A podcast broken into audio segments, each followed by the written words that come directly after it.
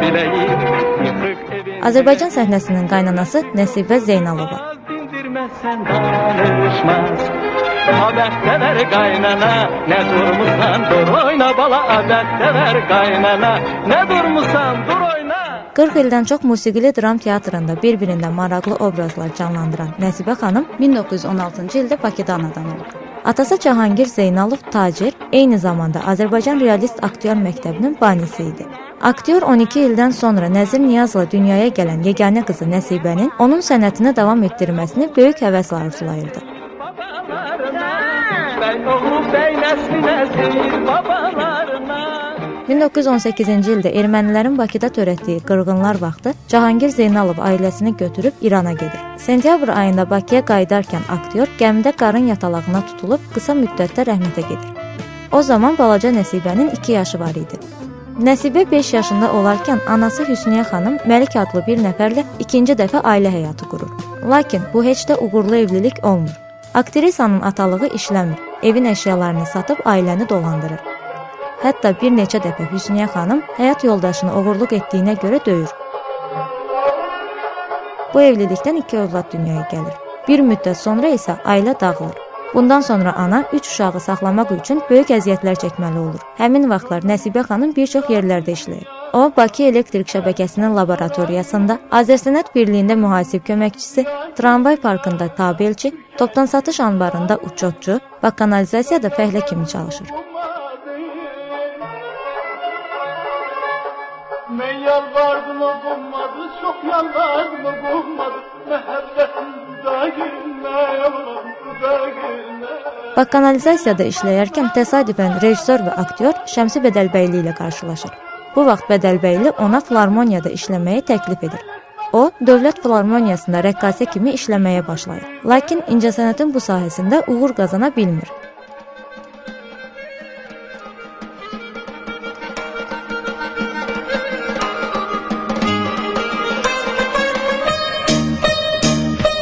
Я пою о тишине под нравится мне и цветочек луговой. Станция кружится со мной по висячему... Musiqini rəsdən duyur. Sən ondan pis oynamırdın, yadımdadır. Eee, mənə elə gəlir ki, o lap çoxdan olub. Ay bəhmən не соловей, позавидовал моей 1934-cü ildə Nəsibə Zeynalova Səyyar Kolxoz və Savxoz teatrında aktrisa kimi çalışmağa başlayır.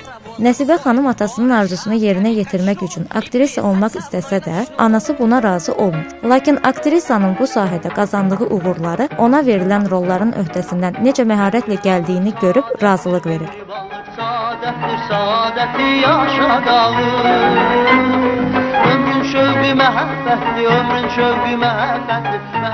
O sənədlərini Bakı Teatr Texnikumuna təqdim etsə də, sənədləri geri qaytarılır. 1938-ci ildə musiqili komediya teatrı təzə-təzə təşəkkül tapdığı vaxtlarda teatra birinci dərəcəli aktyor kimi dəvət alan ilk aktrisa elə məhz Nəsibə xanım Zeynalova olur.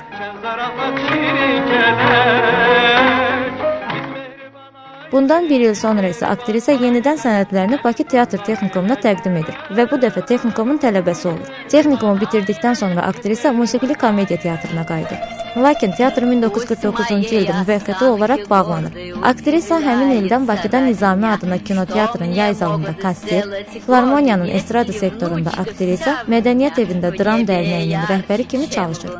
1956-cı ildə musiqili komediya teatrı yenidən fəaliyyətə başlayır. Elə həmin ildən Nəsibə Zeynalova doğma teatrda yaradıcılığına qaldığı yerdən davam edir.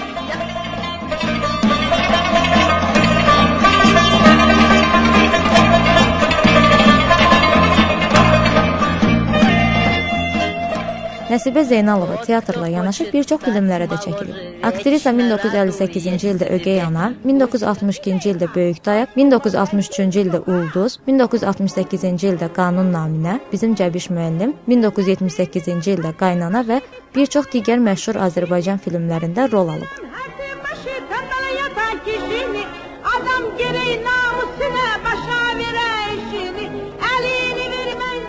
Oynadığı obrazların böyük və balacalığından asılı olmayaraq, aktrisa ona verilən bütün obrazların öhdəsindən böyük məharətlə gəlib. Aktrisanın son çəkildiyi film isə yuxu filmi olub.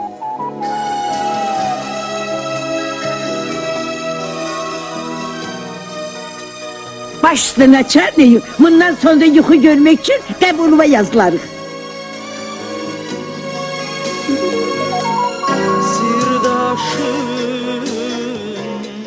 Nəsibə Zeynalova 9 iyun 1959-cu ildə şərəf nişanı ilə təltif olunub. Azərbaycan Musiqili Teatrının inkişafında xidmətlərinə görə 24 may 1960-cı ildə Azərbaycan Respublikasının əməkdar artisti, 1967-ci ildə isə xalq artisti fəxri adına layiq görülüb. Hicran musiqili komediyasındakı qızbacı roluna görə Azərbaycan Dövlət mükafatı laureatıdır. 1974-cü ildə Rauf Kazumovski onun yaradıcılığı barədə aktrisanın təbəssümü televiziya filmini çəkib.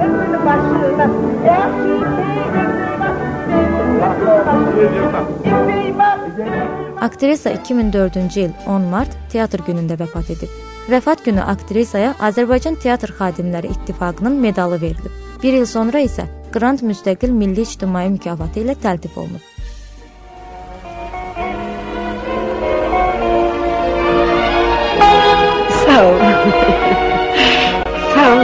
Gülnar Xıdırova, GSRF.